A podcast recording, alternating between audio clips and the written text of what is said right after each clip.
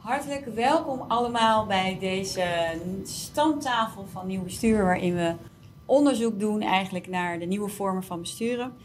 Uh, fijn dat jullie er zijn. Um, vandaag gaan we na, met, met jullie samen kijken naar het stakeholder model en stakeholder governance en wat dat te maken heeft met toekomstbewust besturen, zoals wij dat noemen. En met toekomstbewust besturen moet je eigenlijk denken aan uh, naast de financiële impact die bedrijven maken, financiële uh, groei die bedrijven nastreven, dat je met name impact maakt op sociaal en op duurzaamheid voor mensen en natuur. En dat is ook een, eigenlijk een nieuwe manier van besturen waar we allemaal naar uh, op zoek zijn naar hoe dat moet. En wij gaan vandaag met jullie samen daar een nieuwe stap in zetten. Want ja, er is natuurlijk niemand bijna die nu kijkt, maar ook niet uh, hier in dit gebouw. We zitten in een prachtig mooi Oceans gebouw. Die dat duurzaamheid en inclusiviteit allemaal niet in zijn mission statement heeft staan. Hè, en daar allemaal mooie verhalen natuurlijk ook over weten vertellen in zijn jaarverslagen of waar dan ook. Maar vandaag willen we echt kijken voorbij de woorden naar de daden. Want wat betekent dat nou precies? Hè? En hoe geef je daar verder vorm aan? Dus vandaag gaan we echt naar het doen. Ik dank jullie ook voor het interesse in het onderwerp. Uh, jullie hebben ook allemaal aangegeven waarom je wil uh, meedoen in deze, in deze webinar. We hebben, dit, deze webinar is een, is een afgebakende groep. Hè. We kunnen natuurlijk niet, omdat we ook een live chat hebben en jullie uh, ook absoluut worden uitgenodigd om vragen te stellen. Daar zit Mandy en die zal jullie vragen ook beantwoorden. Of in ieder geval of anders doorgeven aan mij, zodat we het in de uitzending kunnen bespreken. Dus ik hoop van harte dat jullie ook meedoen. En uh, het is ook wel duidelijk dat jullie allemaal eigenlijk in jullie vraagstuk aan, die aan jullie aan ons hebben gestuurd gezegd: hoe kom ik nou in de do-modus binnen mijn bedrijf? Dus dat is echt wel een belangrijk thema. We zien ook dat het steeds meer aandacht krijgt. Stakeholder governance, stakeholder model, stakeholder waarde. Uh, denk maar aan VNO-NCW, die afgelopen maand presenteerde hun nieuwe koersplan. He, uh, uh, dat, zeg maar samen ondernemen of dat is verduurzaam. 2.0? Sowieso het Rijnlandsmodel 2.0. Maar ook dat een, elk bedrijf eigenlijk ook een verantwoordelijkheid heeft voor binnen de maatschappij. Dus is, ook al zie je dat het anders wordt dan het was. Um, daar gaan we allemaal vandaag zeker op in. Maar allereerst wil ik mijn gasten introduceren. En dan begin ik met uh, Friesland. Dus dan ga ik vragen of Frank uh, van Hout uh, er is. En die is er. Live vanuit Friesland. Welkom. Hoor je mij goed? Ik, wil vragen aan jou. Jij bent lid van het college van bestuur van het Friesland College en ook lid van de MBO-raad. Wat betekent voor jou nou dat stakeholder governance? In één zin, hoe kan je dat aan ons uitleggen? In één zin betekent dat dat je bij het uitzetten van je, van je, van je koers en bij het realiseren van die koers constant bezig bent met je afvragen wat is de impact van wat wij doen op onze stakeholders? En wat is de impact van wat onze stakeholders doen op onze koers? Misschien is wel het makkelijkste antwoord wat dat betreft, wat het van je vraagt, is dat je die stakeholders gewoon ook uh, actief opzoekt. Ja, ja, echt de dialoog aangaan. Dankjewel, dankjewel. En dan ga ik naar Linda. Hoor je mij goed? Goedemiddag, welkom. Linda van Waveren van het havenbedrijf Amsterdam, duurzaamheidsmanager Port of Amsterdam. En op strategisch niveau ook betrokken bij de energietransitie. Voor jou eigenlijk ook dezelfde vraag. Wat betekent dat voor jou, dat stakeholder model en stakeholder governance? Ja, ik denk dat dat inderdaad wat Frank zegt. Hè? Dus dat je, dat je heel erg bewust bent van je omgeving. En wij proberen ook continu de vraag te stellen: hoe verhoud ik mij tot mijn omgeving? Um, ja, dus dat, uh, daar, daar, we luisteren heel veel. Ja, ja, ja. Nou, we gaan straks nog heel uitgebreid op jullie case in. Dankjewel, Linda. Ik ga uh, terug naar de studio. Want daar zit Mirjam Staal, dokter Mirjam Staal moet ik zeggen. Jij bent gepromoveerd uh, aan de TU Delft op dit onderwerp, stakeholder management, stakeholder engagement. En jij werkt ook voor Bureau Hofkes. Je bent zeer nauw betrokken bij de onderzoeken die we doen. Mm -hmm. uh, wat betekent dit nou voor jou, vanuit jouw uh, vakgebied eigenlijk? Hoe zie je dat stakeholder governance? Nou, wat je ziet is dat we in een samenleving leven waar we als personen, maar ook als bedrijven gewoon afhankelijk zijn van elkaar om onze doelen te bereiken. En daarbij schuurt het oude model van top-down, ik bepaal uh, wat er gaat gebeuren in mijn eentje, dat schuurt enorm. Dus ja. stakeholder-relaties uh, daarop inzetten is volgens mij gewoon strategisch noodzakelijk op dit moment. Ja, het is een strategische mast eigenlijk. Wil je überhaupt verder komen? Ja, zeker. Interessant. We gaan verder naar uh, wat het stakeholdermodel nou eigenlijk is.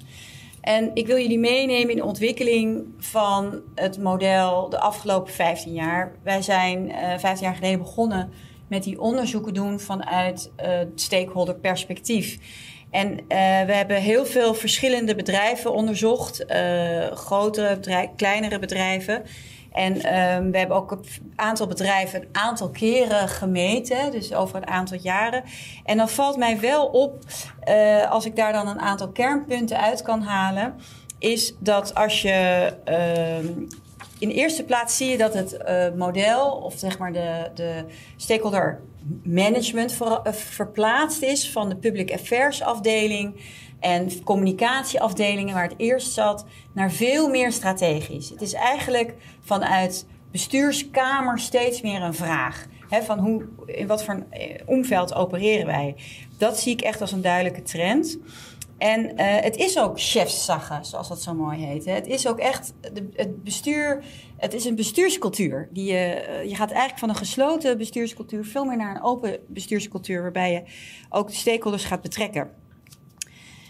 Wat we ook zien is uh, dat stakeholder onderzoek en stakeholder management daarbij gebruikt wordt als een strategisch stuurinstrument. En een van de beste voorbeelden daarvan vind ik zelf het havenbedrijf, die eigenlijk al uh, drie keer zo'n onderzoek heeft laten uitvoeren en daar ook echt de strategie uh, op bepaalt, of mede op bepaalt. Hè. Dat is belangrijke informatie die je dan krijgt om je uh, strategie op, op aan te scherpen. Um, ik wil jullie meenemen naar het nu. Want wat ik al zei, stakeholder stakeholders komen steeds meer op de bestuursagenda. En dat heeft ook echt ontzettend te maken met een nieuw woord wat we sinds een paar dagen overal horen: een open bestuurscultuur. En dat gaat met name ook over uh, dat je echt anders bestuurt dan die gesloten cultuur. En waar moet je dan aan denken?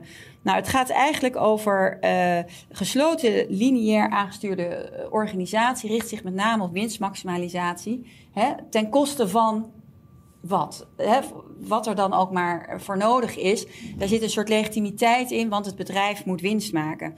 Als je naar het stakeholdermodel gaat, ga je veel meer rekening houden met alle belangen. Dus je gaat niet meer alleen naar je eigen belang kijken, maar je gaat natuurlijk veel beter in een veel breder perspectief kijken.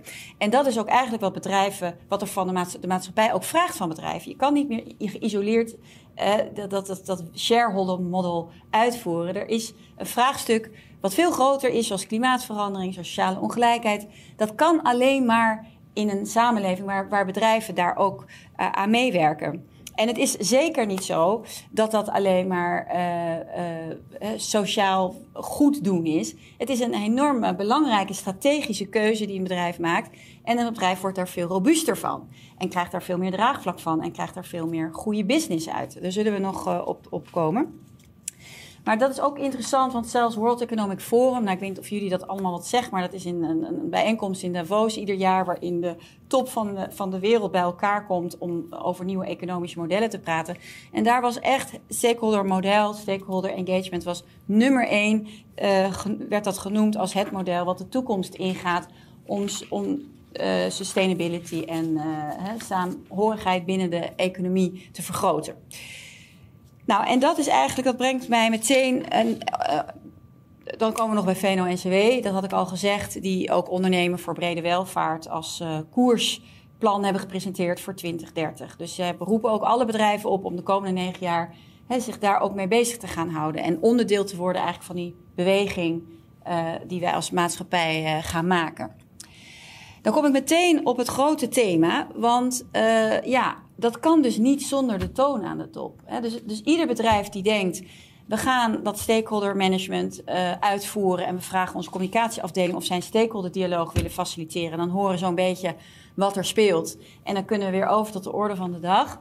Dat is echt niet wat stakeholder governance is. Stakeholder governance is een keuze van de bestuurkamer om de deuren en de ramen open te gooien. En dat betekent ook dat er wel een counterpart aan zit. Want ja, als, als mensen, uh, als, als, als uh, stakeholders hun belangen delen, dat je daar ook wat mee doet als bedrijf. Hè? Dus dat maakt het, bedrijf, maakt het besturen ook complexer. Dit plaatje heb ik erbij gezocht omdat wij tien jaar al onderzoek doen naar de toon aan de top. En al tien jaar praten bestuurders over die verandering. Die ziet iedereen dat die noodzakelijk is. Maar de werkelijkheid is super weerbarstig. Je moet je voorstellen, ongeveer 75% van de huidige bestuurders ziet die transitie gewoon niet voor zich. En ze weten wel dat het moet, maar ze weten niet hoe. Dus het blijft het bij het oude. Hè? Bestuurders blijven gewoon hetzelfde doen wat ze deden. En 25% van die bestuurders is wel bezig om de kar te trekken naar die vernieuwing. En dat is niet makkelijk, hè? dus het schuurt, uh, maar het is wel noodzakelijk we zien dus ook dat er een bepaalde verstarring uh, zit op dit thema. Het is, het is, het is uh, nog steeds best ingewikkeld om uh, zo open te zijn voor, als, voor bestuurders. Als je dan verder kijkt, dan is het de vraag van ja, wat is dan, dat zijn dan de uitgangspunten. Dus eigenlijk wat ik al net zei, ik kies. Ik maak er echt een keuze voor. Het is een intrinsieke motivatie. En dan begint eigenlijk het luisteren. En het luisteren betekent, net zoals persoon, als je om feedback vraagt of wat dan ook, dan, ja, dan, dan dat heeft een bepaalde houding nodig. Hè, dat mensen daar ook uh, hun verhaal over willen vertellen en ook de moeite willen nemen om dat te doen. Dat geldt ook voor bedrijven zo. En dan gaat het natuurlijk uiteindelijk over de verbinding die je dan daar weer mee, mee te maken. Nou, als we dan even inzoomen, dan uh, wil ik jullie meenemen naar dit plaatje. Ik hoop dat jullie het ook allemaal goed kunnen zien. Waarin je ziet dat uh, een organisatie eigenlijk, dat gaat ook over de houding, dat je niet langer meer op zenden staat. En zenden betekent eigenlijk wat heel veel bedrijven doen. Die hebben een branding, die hebben een mooi mission statement, die hebben een reclamecampagne of die hebben bepaalde doelen die ze graag willen zenden naar de buitenwereld en de buitenwereld daarin mee willen nemen. Veel klanttevredenheidsonderzoeken, uh, je moet maar bij jezelf nagaan hoe jullie stakeholder of jullie klanttevredenheidsonderzoeken worden gemeten of hoe je uh, medewerkerstevredenheidsonderzoeken meet. Het is vaak vanuit de zender. Dus uh, in het slechtste geval toetst een bedrijf zijn eigen managementdoelstellingen bij zijn klanten. Dat is het, en dan zijn er natuurlijk allerlei vormen, maar in principe wordt het dan opgezet vanuit de zender. Als het over luisteren gaat, dan gaat het echt over de taal van de ontvangers. Als wij onderzoek doen, dan doen we dat ook altijd telefonisch. Nooit online, nooit met vastgestelde vragenlijsten. Er zit een methodiek in de interviews die wij doen, maar het is heel belangrijk dat je de taal, de woorden, de, de gevoelens, de behoeftes van die, die uh, stakeholders mee kan nemen. En dat je daar ook een breed perspectief door krijgt op je eigen organisatie. Nou, hoe ziet dat eruit? Je moet je voorstellen dat als je dus jezelf als bedrijf uh, in je stakeholdernetwerk positioneert. Dit is voor ieder bedrijf natuurlijk een beetje anders. Maar laten we uitgaan dat iedereen natuurlijk klanten heeft. Maar je hebt ook strategische partners. Dat is ook echt een groep. Uh, de maatschappij, de maatschappelijke partners. Je kunt denken aan je eigen werknemers natuurlijk. Overheidsrelaties. Uh, financiers. En natuurlijk de future generation. Onwijs belangrijk. Bijna elk bedrijf stuurt aan op verjonging. Ook van zijn klantenbestand. Maar het zijn natuurlijk ook je toekomstige werknemers. Dus een hele belangrijke groep om mee te nemen in stakeholder onderzoek. En uh, daar zullen we straks met Frank ook over hebben uh, van uh, Friesland College. Want daar hebben we heel expliciet ook de studenten meegenomen met onderzoek. Dus je gaat op luisteren en dat betekent ook dat je vanuit iedere, ieder perspectief een andere bril krijgt. Dat maakt meteen ook de, geeft de complexiteit van zo'n stakeholder-analyse eigenlijk waar. Want iedere uh, uh, groep heeft andere belangen en kijkt op een andere manier. Maar je ziet dus ook als je naar dit voorbeeld kijkt, dat voor de ene groep bijvoorbeeld transparante communicatie, dus alles wat groen is, gaat hier heel goed. En donkergroen maakt juist dat het, hè, dat geeft juist aan dat je daar echt uh, heel ja, boven verwachting op scoort. En rood gaat minder goed. Maar je ziet dat er voor verschillende groepen verschillende thema's belangrijk zijn en ook verschillende scores. En dat is, geeft ook dus nogmaals aan dat je als bedrijf op een veel bredere scope gaat, gaat besturen. Als je dit doet en je krijgt steeds meer gevoel wat die stakeholders voor behoeftes hebben en hoe je ze naar je toe kan trekken en hoe je met hun die verbinding kan verbeteren, merk je vanzelf dat je veel meer impact krijgt. Hè? Want het wordt veel sterker. Je organisatie wordt daar echt veel sterker van. En je ziet ook dat je strategie, hè, want iedere organisatie heeft natuurlijk een beweging waar je naartoe wil, dat dat makkelijker wordt omdat die stakeholders meebewegen. Daar zullen we het ook straks nog met Linda over hebben vanuit het havenbedrijf. Waar je heel goed kan zien dat die stakeholders een gegeven moment ook meegaan in de strategie van, het, uh, van, het, van de Port of Amsterdam. Nogmaals, mochten jullie vragen hebben, uh, stel ze in de chat. Dan kunnen we daar ook op uh, reageren. Um, dus samenvattend, oh, dit is ook belangrijk. Je kunt, want je wil natuurlijk niet alleen maar de dialoog, maar je wil ook weten of je op de goede weg bent. En je kunt dus ook het draagvlak meten en daar ook een cijfer aan geven. En dat is fijn, want dan heb je een koers. Dus je kunt per meting kan je kijken of je, waar je staat. Dus hier kun je ook zien dat de uh, stakeholders verschillende uh, draagvlakscores hebben. Hè. Sommige staan heel ver van je af, in dit geval overheden. En sommige staan juist heel dichtbij, in dit geval de leveranciers. En dat is ook interessant natuurlijk om te weten. Dit is ook voor iedere organisatie weer anders. Dit is een voorbeeld van het HVF Amsterdam, omdat zij ook heel duidelijk uh, de, de, zeg maar het, stakeholder scores en draagvlak op hun dashboard hebben gezet, op een sturingsdashboard. En daar ook zelfs een KPI aan hebben gehangen. Namelijk dat ze in 2021 willen dat alle um, groepen hoger zijn dan 71. Dat is ook inspirerend, want zo kan je ook je bedrijf meenemen. Dat je zegt, dit is gewoon ons doel. He, we willen dat die verbindingen zo sterk zijn dat we op allemaal boven de 71 scoren. Ja, en dan kom je dus bij het laatste stuk. Dat is dat je het inzicht hebt in al die stakeholderwaarden. En dan begint ook eigenlijk de dilemma's. Want je zal natuurlijk op je vingers kan je natellen dat die stakeholdergroepen, daar zit natuurlijk spanning in. Wat is voor deze partij belangrijk, wat is voor die? Je kan natuurlijk niet iedereen altijd maar bedienen. Maar dat betekent ook dat je intern in je organisatie dilemma's gaat krijgen. En daar kun je dilemma-sessies voor organiseren om juist met elkaar die schuurpunten te bespreken. En uiteindelijk ook daar weer de stakeholders bij te betrekken. Nou, en dan uh, tot slot wil ik dan toevoegen wat ongelooflijk goed werkt intern als je die stakeholder-analyse hebt uitgevoerd, als je die informatie hebt.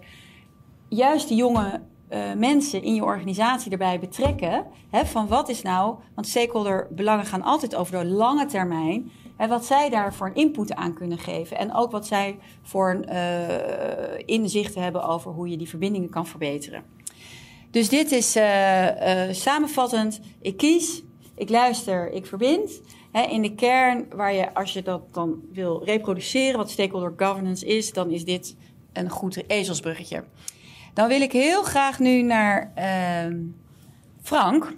Frank, uh, jullie zijn een heel groot regionaal opleidingscentrum met meer dan 10.000 studenten in Friesland. Met 130 opleidingssoorten, uh, verschillende opleidingen.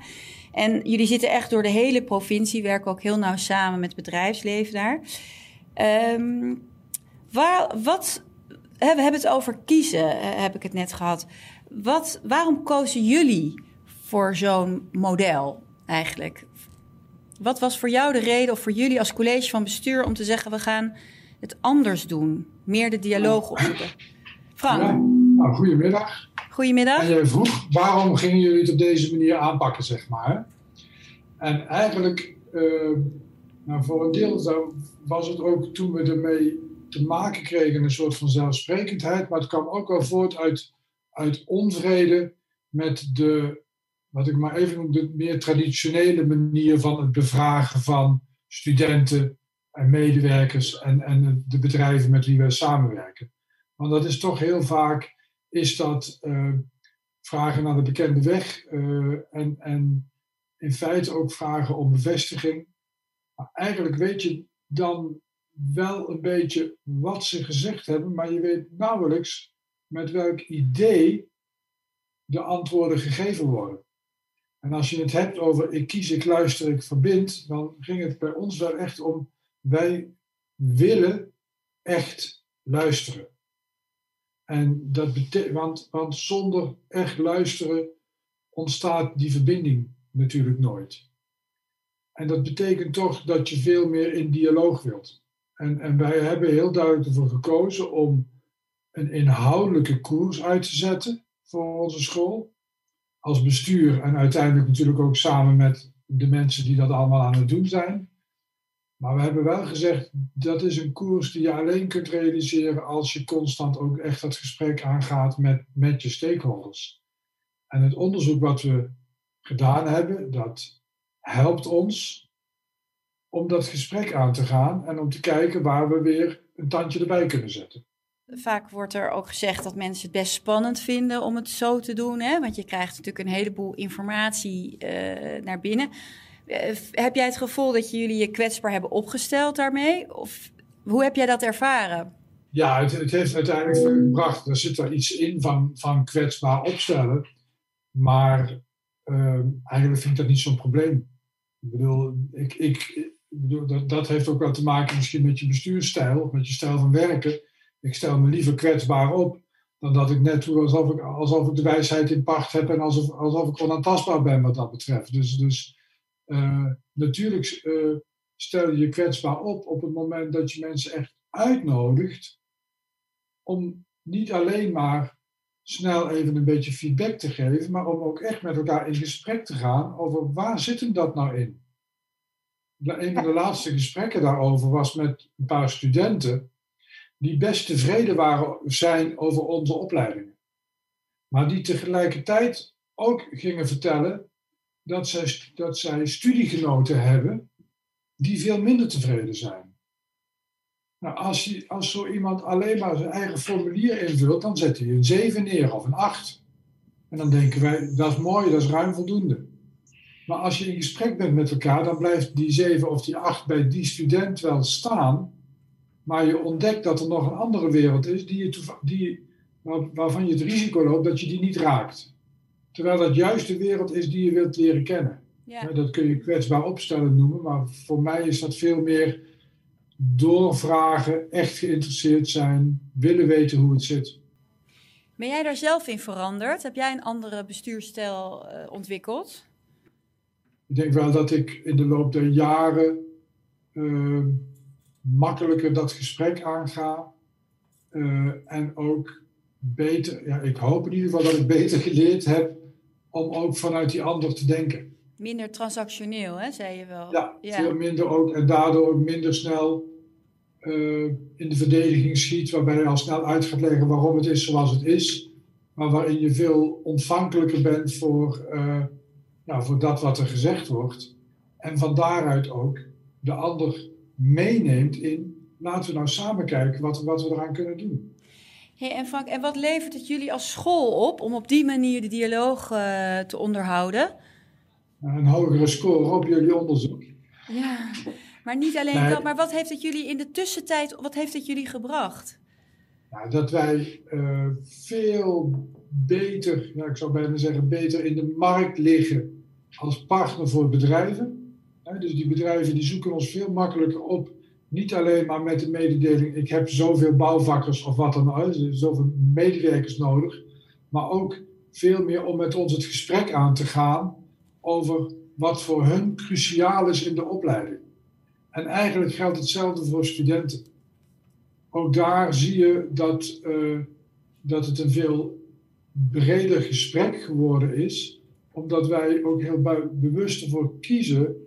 Wij leiden, we zijn een beroepsopleiding of we zijn beroepsonderwijs, dus wij leiden op voor een beroep. Het is cruciaal dat mensen, als ze dat diploma hebben, ook succesvol aan het werk kunnen zijn. Maar wij werken ook met jonge mensen, tussen de, zeg maar, grotendeels tussen de 16 en de 21. En dat zijn ook mensen die gewoon nog zichzelf en de wereld aan het ontdekken zijn. Ja. En ik vind het echt naast dat beroep wat ze leren, minstens even belangrijk dat ze ook dat andere deel, dat we daar ook een rol in, in pakken wat dat betreft. Het maatschappelijke bewustzijnstuk. en jij bent ook uh, uh, lid van de MBO-raad jullie hebben net een nieuw governance model of een nieuw governance code uitgebracht. Kun je daar wat meer over vertellen? Zie je daar ook deze beweging in? Ja, ja zeker. Kijk, onze oude code, dat, dat was gewoon dat was een prima verhaal. Maar uiteindelijk mondde dat toch uit in waar moet je aan voldoen. En, Afvinklijst. En eh, ik zeg maar even, ook op mijn eigen school, onze bestuurssecretaris die ging dan kijken, hebben we dat allemaal goed geregeld? En dan hadden we het op drie punten niet goed geregeld. En dan legden we uit waarom we het daar anders doen dan de code voorschrijft. En daar zijn we, en dat heette ook lidmaatschapseisen van de MBO-raad. Dus als je daar niet aan voldoet, nou, dan moet je wel een goed verhaal. En wij zijn heel bewust daarvan afgestapt. Dus we hebben gezegd, uh, wij gaan niet werken met lidmaatschapseisen. We hebben nu een, wat wij noemen, waardegedreven governance code. Die dus, waarvan we zeggen, wij willen als sector zowel de scholen als de vereniging MBO-raad, uh, willen we een aantal waarden naleven. Dat zijn dingen als uh, samenwerking, integriteit, openheid. Allemaal niet zo spectaculair. Maar we hebben wel gezegd, om dat te realiseren, moet je met elkaar het gesprek daarover aangaan. En dan is het dus niet meer pas toe of leg uit, maar dan is het pas toe en leg uit. Ja. En dat leg uit, dat is het gesprek wat je met elkaar wilt hebben. Dank je. En tot slot, want jij moet er zo uh, uh, weg, helaas. Maar uh, we hebben net gezien dat ongeveer 75% van de bestuurders dit nog best moeilijk vindt. Hè? om die openheid te, zeg maar, om die, om die beweging te maken naar meer openheid en meer verbinding. Wat voor een advies kun je hun geven? Um, ja, voor een deel. Kijk, het begint met de vraag: ben je echt geïnteresseerd in die ander? Want alleen als je echt geïnteresseerd bent, dan werkt dat luisteren. En op het moment dat je, dat, dat je echt geïnteresseerd bent, moet je het gaan doen. Dan moet je die organisatie, hè, intern die organisatie inlopen. Dan moet je gewoon echt tijd voor. Ik bedoel, wij, wij zijn heel snel in, uh, oh jee, we hebben het druk. En dan zijn dit activiteiten die als eerste uit de agenda verdwijnen. Terwijl ik zou zeggen, ze moeten er als eerste instaan. En dat geldt zowel intern als extern. En dan niet met een agenda, maar met een kop koffie en een vraag.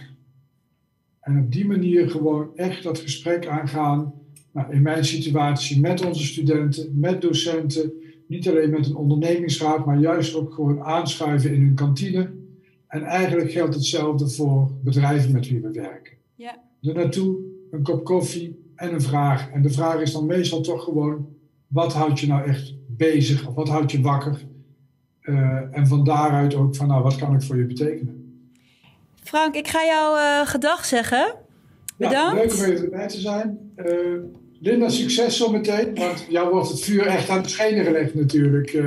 en die gaat later nog nakijken. Ja, dankjewel hè. Oké, okay. hoi. Dankjewel. Dag. Um, dan ga ik nu heel graag naar Linda. Linda, want...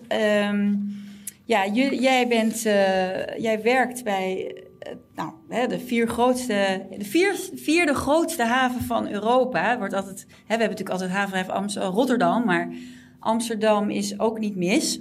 En uh, ja, jullie liggen prachtig achter het Centraal Station. Ligt natuurlijk een geweldig groot terrein... wat helemaal doorloopt tot het Noordzeekanaal en natuurlijk tot de Noordzee. Um, en het gebied aan zich geeft ook werk aan heel veel mensen. 70.000 mensen uh, hebben werk binnen die, dat havengebied. En jullie zijn eigenlijk het havenbedrijf die dat terrein beheren. En jij bent verantwoordelijk voor het duurzaamheidsbeleid en de NVO-strategie. En jullie hebben ook een hele ambitieuze duurzaamheidsstrategie. Kun je daar iets over vertellen? Uh, ja, ja, misschien ook gelijk om in relatie tot het, uh, het stakeholder, uh, nou ja, de behoefte aan, aan, aan een luisterend oor voor onze stakeholders is natuurlijk dat de Amsterdamse haven, die ligt tegen de stad aan. Dus wij hebben ook, nou ja, we hebben best wel een, met elkaar hebben we discussies rond de ruimte. Daarnaast is de Amsterdamse haven echt van origine de energiehaven, waar fossiele ladingen, uh, kolen en nou ja, zoals we dat zo mooi noemen, natte bulk, wordt op- en overgeslagen. Dus het wordt daar gebracht via zeeschepen en wordt via binnenvaart of per trein wordt dat weer het land, binnenland ingestuurd of naar Duitsland toegevoerd. Um, dus er is, de noodzaak is er. En we hebben natuurlijk ook, de gemeente Amsterdam is onze aandeelhouder. En uh, die is, uh, dat is een links georiënteerde gemeente. Dus wij krijgen ook regelmatig krijgen we vragen van... Goh, uh, moeten jullie niet iets vinden van uh, de, de herkomst van de cacao of van de soja? Dus dat zijn allerlei zaken waarbij we, nou ja, goed, ook wel eens uh, de, de club fossielvrij op onze kolenterminals vonden. Waarbij we uh, ja, in eerste instantie in het verleden eigenlijk best wel, uh, nou, best wel lastig vonden. Omdat, uh, en ook meteen vrij defensief reageerden. En, en gelijk zeggen, hè, dat is niet onze rol en niet onze invloed, niet onze verantwoordelijkheid. Ehm, maar dat we daar wel een, een, een, behoorlijke draai in hebben gemaakt. Uh, nadat we toch wel met deze partijen, met de NGO's, ook discussies zijn aangegaan. En dat was natuurlijk eerst wel heel ongemakkelijk om de tafel zitten. Maar het heeft ons wel eigenlijk in eerste instantie tot denken gebracht van, goh, ja, wat is onze rol en verantwoordelijkheid? Is nou precies? Uh, en daar hebben we heel veel interne gesprekken ook over gehad, waarbij uh, de directie inzette op uh, nou ja, het hele management erbij betrekken om met elkaar echt nou ja, argumenten op tafel te leggen over onze, wat we daarin zouden moeten doen. En dat heeft, in 2014 heeft dat inderdaad geleid tot een kolenstrategie, waarbij we hebben gezegd, nou ja, in 2030 hebben wij, willen wij geen kolen meer verhandelen in de Amsterdamse haven. En eigenlijk heeft die discussie, waarbij we eigenlijk heel duidelijk hebben gezegd: hè, dit is, wij nemen. Concreet, hè? Dat is echt ja. wel bijzonder. Dat je het zo. Want het is een heel belangrijk deel van jullie omzet, hè? Toch? De ja, ja zeker. overslag. Ja, en los daarvan ben je natuurlijk ook best wel bang voor een soort van gelijk een presidentwerking, waarbij je zegt van ja, en nu die olie de haven uit. Uh, dus dat waren allemaal best wel spannende gesprekken ook, die we moesten voeren natuurlijk met de klant. Maar die hebben wij eigenlijk in dat hele proces al direct heel erg meegenomen. Uh, dus we hebben veel interne sessies gehad, maar ook extern met de klant. Van goh, wij nemen, we willen afscheid nemen van de lading, maar niet van jullie. En we willen er alles aan doen om jullie te helpen ja, om te transformeren. Ja, en kan je wat vertellen over welke rol dat, zo'n stakeholder onderzoek daarbij heeft gespeeld? Ja, het heeft ons sowieso eigenlijk uh, heeft ervoor gezorgd dat we natuurlijk ook hè, die, die verschillende stakeholdergroepen, uh, uh, nou, dat we daar goed inzicht in hebben en ook hoe ze onafhankelijk zich tot elkaar verhouden. Het heeft ons ook wel geholpen om eigenlijk dan, als we sessies organiseerden, van goh, hè, welke, welke partijen vinden nou welke onderwerpen het belangrijkst en staan misschien, hè, staan daar, hebben daar echt wel een, een uitgesproken visie op. Uh, nou, die wilden we ook, hè, in, vaak, in veel gevallen hebben die ook juist eigenlijk gecombineerd met elkaar. Um, ja, zodat we met elkaar een open gesprek konden voeren over. Uh, ja, en, waar wij natuurlijk beelden uit, op kwamen, uh, konden halen om op te nemen in onze nieuwe strategie. Ja, want je geeft heel goed aan, hè? jullie maken die beweging naar verduurzaming. En dan, ja, dan krijg je dus ook kritische geluiden uit die verschillende stakeholdergroepen. Hè? Dus ook bijvoorbeeld klanten die zich roeren. Hoe gaan jullie daar dan mee om? Ja, dus... Eh, Neem je wat die mee we... of omarm je? Hoe, hoe werkt dat voor jullie? Ja, nou, het is een combinatie, denk ik, van verschillende manieren waarop je contact zoekt met je stakeholders. dus we hebben natuurlijk het, het, het, het stakeholder reputatieonderzoek, maar daarnaast spelen ook wel vanuit uh, de duurzaamheidsstrategie, die nou ja, eigenlijk tot voor kort uh, uh, toch wel separaat stond van onze strategie. Uh, ja, voerden we ook tweejaarlijks echt een uh, uitgebreid stakeholderonderzoek uit. En wat we dan deden, we, we focusten ons daar wel heel erg op echt kwalitatieve, informele, kritische gesprekken. Dus daar namen we de tijd voor. Dus ik ben het ook heel erg met Frank eens dat je echt dat, het, dat het vaak wat wordt onderschat hoeveel tijd je hier aan kwijt bent. Maar het is enorm waardevol. Want, want ja, je kunt je ogen wel sluiten voor de geluiden van uh, de stakeholders, maar ze zijn er wel. Hè? Dus ja. uh, vroeg ja. of laat kom je ze wel tegen. En dan ja. kan het juist zo zijn dat je al een verkeerde keuze hebt gemaakt. Ja, ja.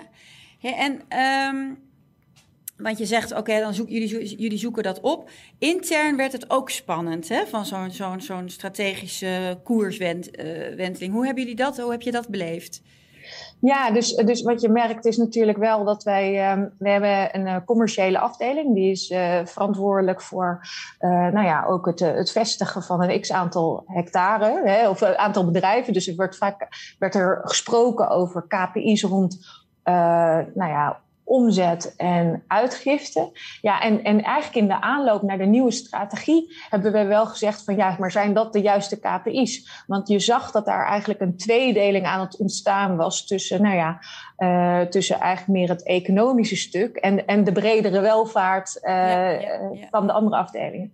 Ja, Hey, en, dat, uh, en jij bent, uh, maak je hard natuurlijk voor die strategische uh, energietransitie of de verduurzaming van het haventerrein.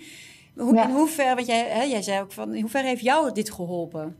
deze... ja, het heeft, ja, het heeft mij enorm geholpen, omdat we eigenlijk nu zorgen voor een hele integrale benadering. Dus we hebben, de, we hebben nu geen aparte duurzaamheidsstrategie meer, maar die zit verankerd in onze, in onze strategisch plan.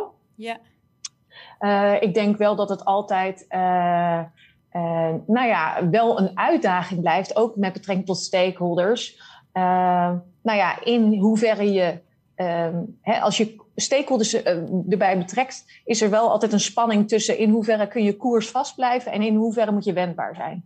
Ik denk dat dat wel een hele spannende altijd is.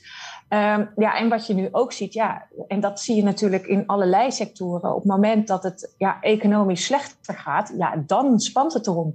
En dan is de vraag van ja, is het in good en in bad times dat we goed blijven luisteren? Ja. En want dan is het heel erg, uh, dan, dan zijn toch bedrijven snel geneigd om de korte termijn uh, uh, aanpak te kiezen.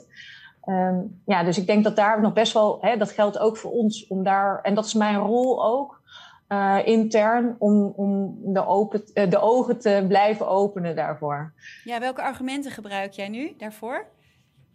Nou, ik denk wel, dus hè, duurzaamheid in, in, de, in de trant van. Um, ik, ben, ik hoef niet eens meer een enorme ambassadeur te zijn voor de energietransitie, maar het gaat wel over toekomstbestendigheid. En het gaat ook over ja, welke rol pakken we nu. Wij hebben, dat mogen jullie best weten, we hebben een interne dilemma-sessie gehad uh, over energie, over de energietransitie. En dan was het van, gaan we nog verder? Gaan we nu ons focussen op het, het investeren in hernieuwbare energie en, uh, en nieuwe energiebronnen?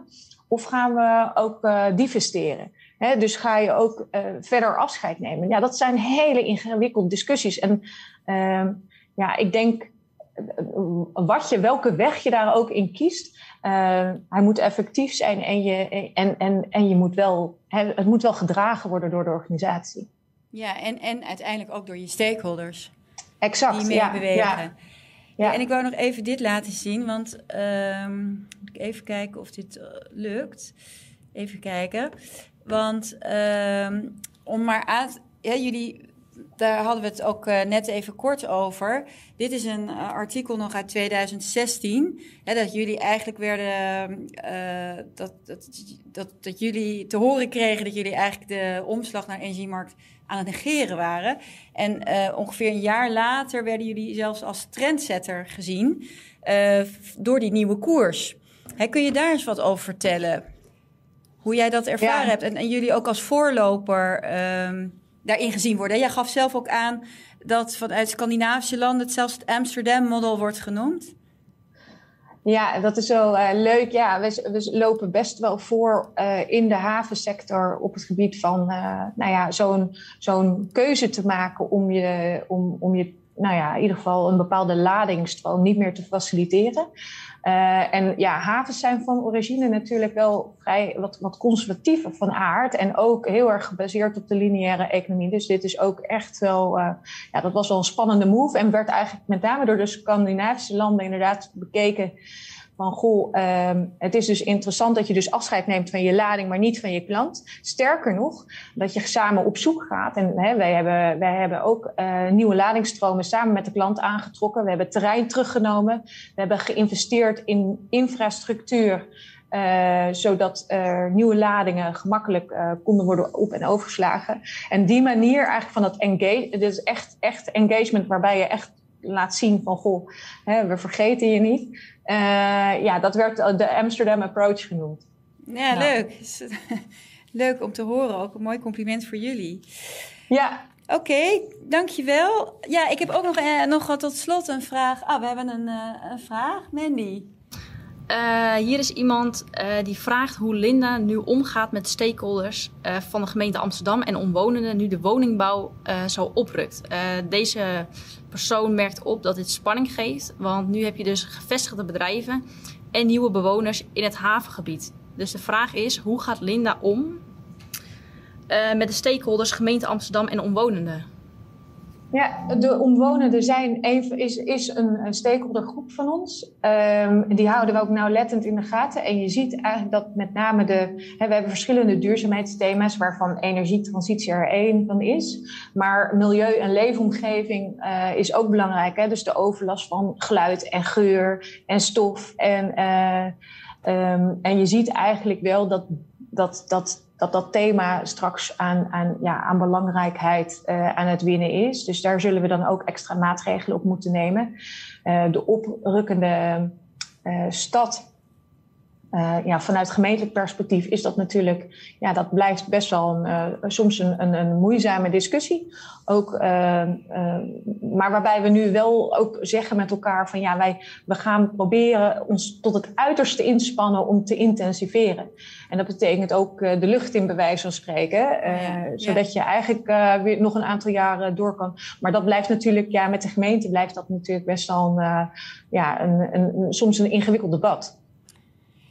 Tot slot, want uh, wat voor een tip geef jij, of wat voor een advies kan jij jouw mede-duurzaamheidsmanagers uh, uh, geven, die natuurlijk ook hartstikke hard bezig zijn om die strategie vorm te geven binnen hun organisatie? Ja, ik denk dat het, dat het, dat, het luisteren en, je, en je ja, echt, echt de tijd nemen om te luisteren, dat dat enorm, dat dat je enorm helpt. En dat je ook uiteindelijk daar uh, op lange termijn echt wel de waarde uh, van terugkrijgt. En weet je, dus de stemmen en de geluiden zijn er toch. Dus het is, ja... Negeren waarom... heeft helemaal geen zin. Nee. Negeren heeft geen zin. Nee, nee, nee. nee. Mooi, dankjewel Linda. Graag gedaan. Uh, ik hoop dat je nog even blijft. Even kijken, zet ik hem nu... Oh, we hebben nog een vraag, ook voor Linda.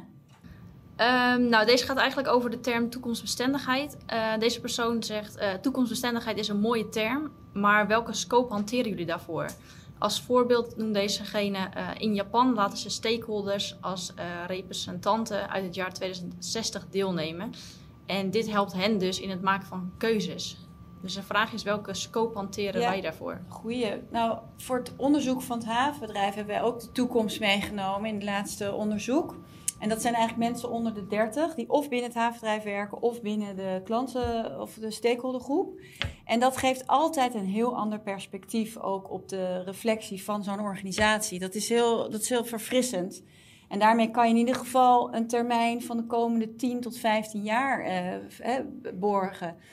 Dus dat is, en als je over toekomstbestendigheid hebt, ja, weet je, ik vond het zo mooi eigenlijk dat vandaag weer werd duidelijk dat EY, hè, Ernst Jong, die wil niet de jaarrekening van Shell tekenen voor de doelen die zij voor 2050 hebben, omdat ze daar, hè, naar eigen zeggen, voor op koers liggen omdat eh, de accountant zegt, dat kunnen wij helemaal niet weten, anno nu. En volgens mij is dat ook het belangrijkste. Het gaat natuurlijk over de stappen die je nu neemt. En dat hebben jullie ook gedaan hè, door te zeggen, we gaan in 2030 kolen de haven uit. Dat betekent dat je gewoon kan terugrekenen tot 2021 nu. Waar moet je dan nu staan? En dan wordt het gewoon heel concreet. En dat, dat heeft natuurlijk in de kern ook uh, waarde. Terwijl al die doelen die, die voor 2050, ja, dat is natuurlijk ook zo ver weg dat het bijna niet realistisch is om te denken uh, dat je daar nu al concreet uh, stappen in zet. Dat, dat, dat, dat, dat schuif je gewoon voor je uit eigenlijk. Oké, dan wou ik. Uh, moet ik. Gaat dit goed zo? Ja. Ik wou nu naar ehm, Mirjam. Dokter Mirjam Staal. Want jij kijkt toch ook vanuit de wetenschappelijke je bent uh, gepromoveerd aan TU Delft, echt ook misschien wel vanuit een technische hoek meer op dat stakeholder management, stakeholder uh, engagement. Wat, je hebt aan beide onderzoeken meegewerkt. Hè? Wat is jou nou opgevallen als je naar deze twee uh, onderzoeken kijkt, of naar deze twee organisaties?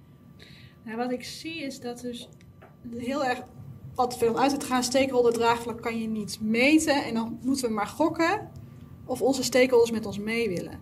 En wat ik zo mooi vind aan eigenlijk de methode van uh, Bureau Hofkes is dat we dus het stakeholder draagvlak inzichtelijk maken. En dat je dus ziet van uh, de stakeholders hebben meestal een heel goed idee van wat nou de strategische dilemma's zijn voor, hun, voor het bedrijf wat te onderzoeken. Dat was zowel voor uh, het havenbedrijf als voor Friesland College zo. En ze zijn heel vaak heel erg bereid om, om mee te bouwen en mee te denken. Ja. Dus je ziet dus een hele hoge respons. Juist uh, degenen die uh, al een goede, of die dus een intensieve relatie hebben, die willen meedenken. Mensen die wat verder afstaan, die, daar, die zijn eerder dat ze zeggen nee, maar toch is het een hele hoge respons van, van 80% of zo. Ja. En, En, en nog even terugkomen op die vraag uh, die wij binnenkregen over dat je dus elke stakeholdergroep eigenlijk op een andere manier bevraagt. In hoeverre is dat ook zo? En uh, waarom is dat zo? Nou ja, wat we, wat we heel sterk doen, is dat we zeggen van hé, hey, um, wat zijn nou de eigenschappen van de, die voor, voor jullie belangrijk zijn? Um, om betrouwbare, om een goede relatie te kunnen opbouwen. En die vergelijken we met hoe ervaar je dat nou? En wat je dus, dan heb je dus zowel een kwantitatieve meting als uh, dat we altijd doorvragen naar uh, kwalitatief. kwalitatief ja. wat bedoel je ermee? En dus kunnen we um, daaruit heel veel informatie halen. Zowel kwantitatief, van nou ja, zo groot is het gat nu tussen de wens en de verwachting. En kwalitatief, dit betekent het. Dit zijn de strategische dilemma's. Er zijn ook altijd open vragen van hé, hey, wat zijn nou de belangrijke issues die spelen voor jullie? Ja, vanuit, een, vanuit hun eigen taal, zou ik maar vanuit zeggen. Vanuit hun eigen ja. taal, ja. Want dan weet je ook wat er echt speelt. En bijvoorbeeld bij het havenbedrijf, jullie hebben natuurlijk duidelijk... Hè, een, een, het havenbedrijf is een soort intermediair tussen de overheid, hè, de, de stad Amsterdam en de klanten... Mm-hmm. hoe, hoe, hoe, hoe, zie jij dat vanuit jouw perspectief? Dat, hoe, hoe, kun je die twee dan vergelijken met elkaar? Of hoe doe je dat in zo'n stakeholderveld? Uh, nou, je, je, hebt dus een aantal. Je hebt altijd, uh, als je, uh, je hebt altijd een, een, top 5 van kenmerken uiteindelijk. Die, die belangrijk zijn. Dat je ook, liet je ook in de zien per stakeholdergroep. En je ziet dus dat daar overeenkomsten zijn. Ze zeggen van nou uh, bijvoorbeeld, voor de, dat, dat bijvoorbeeld de relatie met de gemeente belangrijk is voor meerdere stakeholders. En dat, dat, uh, ga, dat ga je duiden als onderzoeker. Van hé, hey, waar zit het hem nou in? Waarom is dat ja. zo belangrijk? Waarom speelt dat? Um, en je ziet ook verschillen. Nou, dit is belangrijk voor, voor de omwonenden of voor de maatschappelijke organisaties. En dit is belangrijk voor de gemeente, dit is belangrijk voor de klanten. Daar zit dus dan die spanning. Spanningsveld. Want uh, kun jij daar nog iets over zeggen, Linda, hoe jij dat ervaren hebt, dat die spanningen zo zichtbaar worden tussen bijvoorbeeld verschillende groepen? Of wat je daar als organisatie aan hebt? Of... Uh, ja, nou ja, ja uh, nou in principe denk ik dat, dat, dat uh, de meeste stakeholders van elkaar en wij ook weten van onze omgeving hoe iedereen erin staat. Maar het is inderdaad uh, interessant om, om met elkaar te verkennen van ja, wat, ligt, wat zit daar dan achter? En als je die soort van barrière, als je die ofwel op de, andere, ja, op, op de een manier kunt opvangen, of dat je, dat je, dat je daar iets voor uh, doet, zodat, dat, zodat die gevoelens of, hè, wat minder extreem worden, dan uh, denk ik dat je op de goede weg zit. Dus, maar ja, het is ook heel logisch. Hè? Wij zijn gewoon een industriegebied en we zitten in een, in een woonomgeving. Dus ja, dat zijn gewoon, dat, dat, dat zijn gewoon contrasterende. Ja. Ja, ja. Hey, en waarom volgen andere bedrijven dan, of hè, de andere havens, niet jullie model? Nou ja, het is natuurlijk wel heel spannend. En ik denk dat wij in Nederland, uh, we, we, zijn best wel recht voor ons raap. En wij durven open te praten. Uh, dat merk ik ook wel als ik op congressen kom. Uh, en het, is, het vraagt wel iets van je kwetsbaarheid natuurlijk. Want je, je, moet, je moet je wel durven kwetsbaar op te stellen. Ja, en het is eigenlijk een beetje uh, ja, uh, springen met je, met je ogen dicht in het zwembad. Waarvan je weet dat je, weer, hè, dat je weer boven komt drijven. Maar het is wel heel spannend. Ja. Heeft het jullie wat veel gebracht ook om het zo te doen? En wat ja, heeft het ik, jullie gebracht? Nou, ik denk wel dat het ook. Uh, hè, we zijn natuurlijk we zijn heel zichtbaar als gebied. Dus er wordt veel over ons gezegd en geschreven. Um, zijn natuurlijk ook enorm veel meningen en dat is prima, want we, hebben ook verschillende functies en, verschillende, en veel stakeholders. Uh, maar het heeft ons wel echt heel erg geholpen om, um, nou ja, wel een beetje het frame van de haven te veranderen in, in, in de perceptie van, van, van onze omgeving. En ik denk dat dat, um, ja, dat heeft tijd nodig en daar moet je ook betrouwbaar voor zijn. Dus je moet ook zeggen wat je doet. Want je kunt wel iedereen uh, gaan, bij iedereen langs gaan. En vervolgens uh, hè, iedereen zegt naar links en jij gaat naar rechts. Ja, dat is natuurlijk niet betrouwbaar. Dus op het moment dat jij ze, hè, je stakeholders gaat bevragen, betekent het ook wel dat je een bepaalde ja, verplichting hebt. Dat je wel naar ze luistert en daar invulling aan geeft. Ja, en ook misschien wel transparant bent in je eigen strategie en doelen. En, ja. Ja. Zodat ze daar ook op kunnen aanhaken. Nou, super, dankjewel Linda. Dan komen we eigenlijk aan het einde van ons webinar over stakeholder governance model. En als we het eigenlijk samen kunnen vatten, dan is het uh, nogmaals, uh, het is echt een strategische keuze van de organisatie. Daar hoort het ook echt thuis. Uh, het is een, een bestuurscultuurverandering misschien wel. daar begint het mee. En dan is de kunst natuurlijk dat je op een bepaalde manier gaat luisteren. Wat er ook door Frank en Linda duidelijk werd gezegd daar, daar, daar, schep je ruimte voor als organisatie. En wat je daarvoor terugkrijgt is uh, enorm veel uh, informatie en goodwill en draagkracht en mee willen doen. met ook de dilemma's die er spelen. En het belangrijkste misschien wel van zo'n goed stakeholder governance model is dat je natuurlijk altijd met dilemma's te maken krijgen. En dat is iets wat we spannend vinden in onze oude wereld van command and control. Dat je denkt, ik wil alles controleren. Maar juist door dat te laten, want het is er toch, hè? dat is ook mooi, dat zeggen zij ook allebei. En dat weet denk ik ieder bedrijf, die geluiden zijn er toch. Dus uh, het is natuurlijk veel strategischer eigenlijk om dat wel te laten te horen. En eigenlijk zoals Strafrecht Amsterdam heeft gedaan met die kritische maatschappelijke partners. Om daar gewoon eigenlijk uh, op, op af te stappen met een open vizier op basis van informatie die ze dan in zo'n onderzoek geven. Mandy, we hebben nog een vraag. Uh, de vraag is, uh, hoe is stakeholder management georganiseerd? Doet Linda dat uh, voor de hele organisatie of, en dus op alle thema's of alleen voor duurzaamheid en MVO? Oké, okay. nee, nee, ja, dus wij hebben eigenlijk wel verschillende sporen qua stakeholder management. We hebben natuurlijk ons stakeholder of onze tweejaarlijks reputatieonderzoek, wat eigenlijk bij onze corporate communicatieafdeling ligt. Uh, onze klanttevredenheid uh, meten we uh, met meer regelmaat.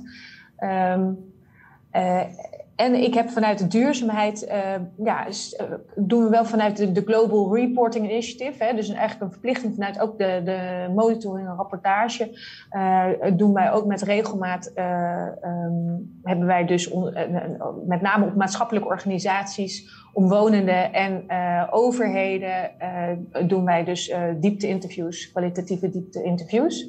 Dus dat zijn eigenlijk drie verschillende aspecten. En, en dan met hè, de totstandkoming van een nieuwe strategie, dan, dan pakken we het echt groots en grondig aan. En wat kun je zeggen over de toon aan de top die daarbij past? Of hoe zie jij dat? Ja, uh, ja, het is onze, onze stakeholders bepalen onze license to operate. Dus er is geen kwestie, er is geen sprake van dat we niet naar ze zouden luisteren. Dus dat, die is volledig positief, ja. ja. Ja, volgens mij zijn we dan precies ook een uur rond. Dus ik denk dat wij heel veel aspecten hebben behandeld van wat stakeholder governance is. Ik hoop dat jullie als kijkers ook iets meer gevoel erbij hebben. En mochten jullie natuurlijk daar meer over willen weten, je kunt altijd op onze website kijken, www.bhrm.nl of via bureau Hofkes kun je het ook vinden. Dan kan je in ieder geval ook een samenvatting vinden eh, van wat we vandaag besproken hebben. En uh, ja, ik hoop dat jullie volgende keer weer van de partij zijn als we weer een ander thema van uh, toekomstbewust besturen gaan behandelen. En dat gaat over eigenlijk de toon aan de top, circulair leiderschap. Wat is dat nou eigenlijk? Waar herken je dat aan? Dus uh, voor nu uh, heel veel dank.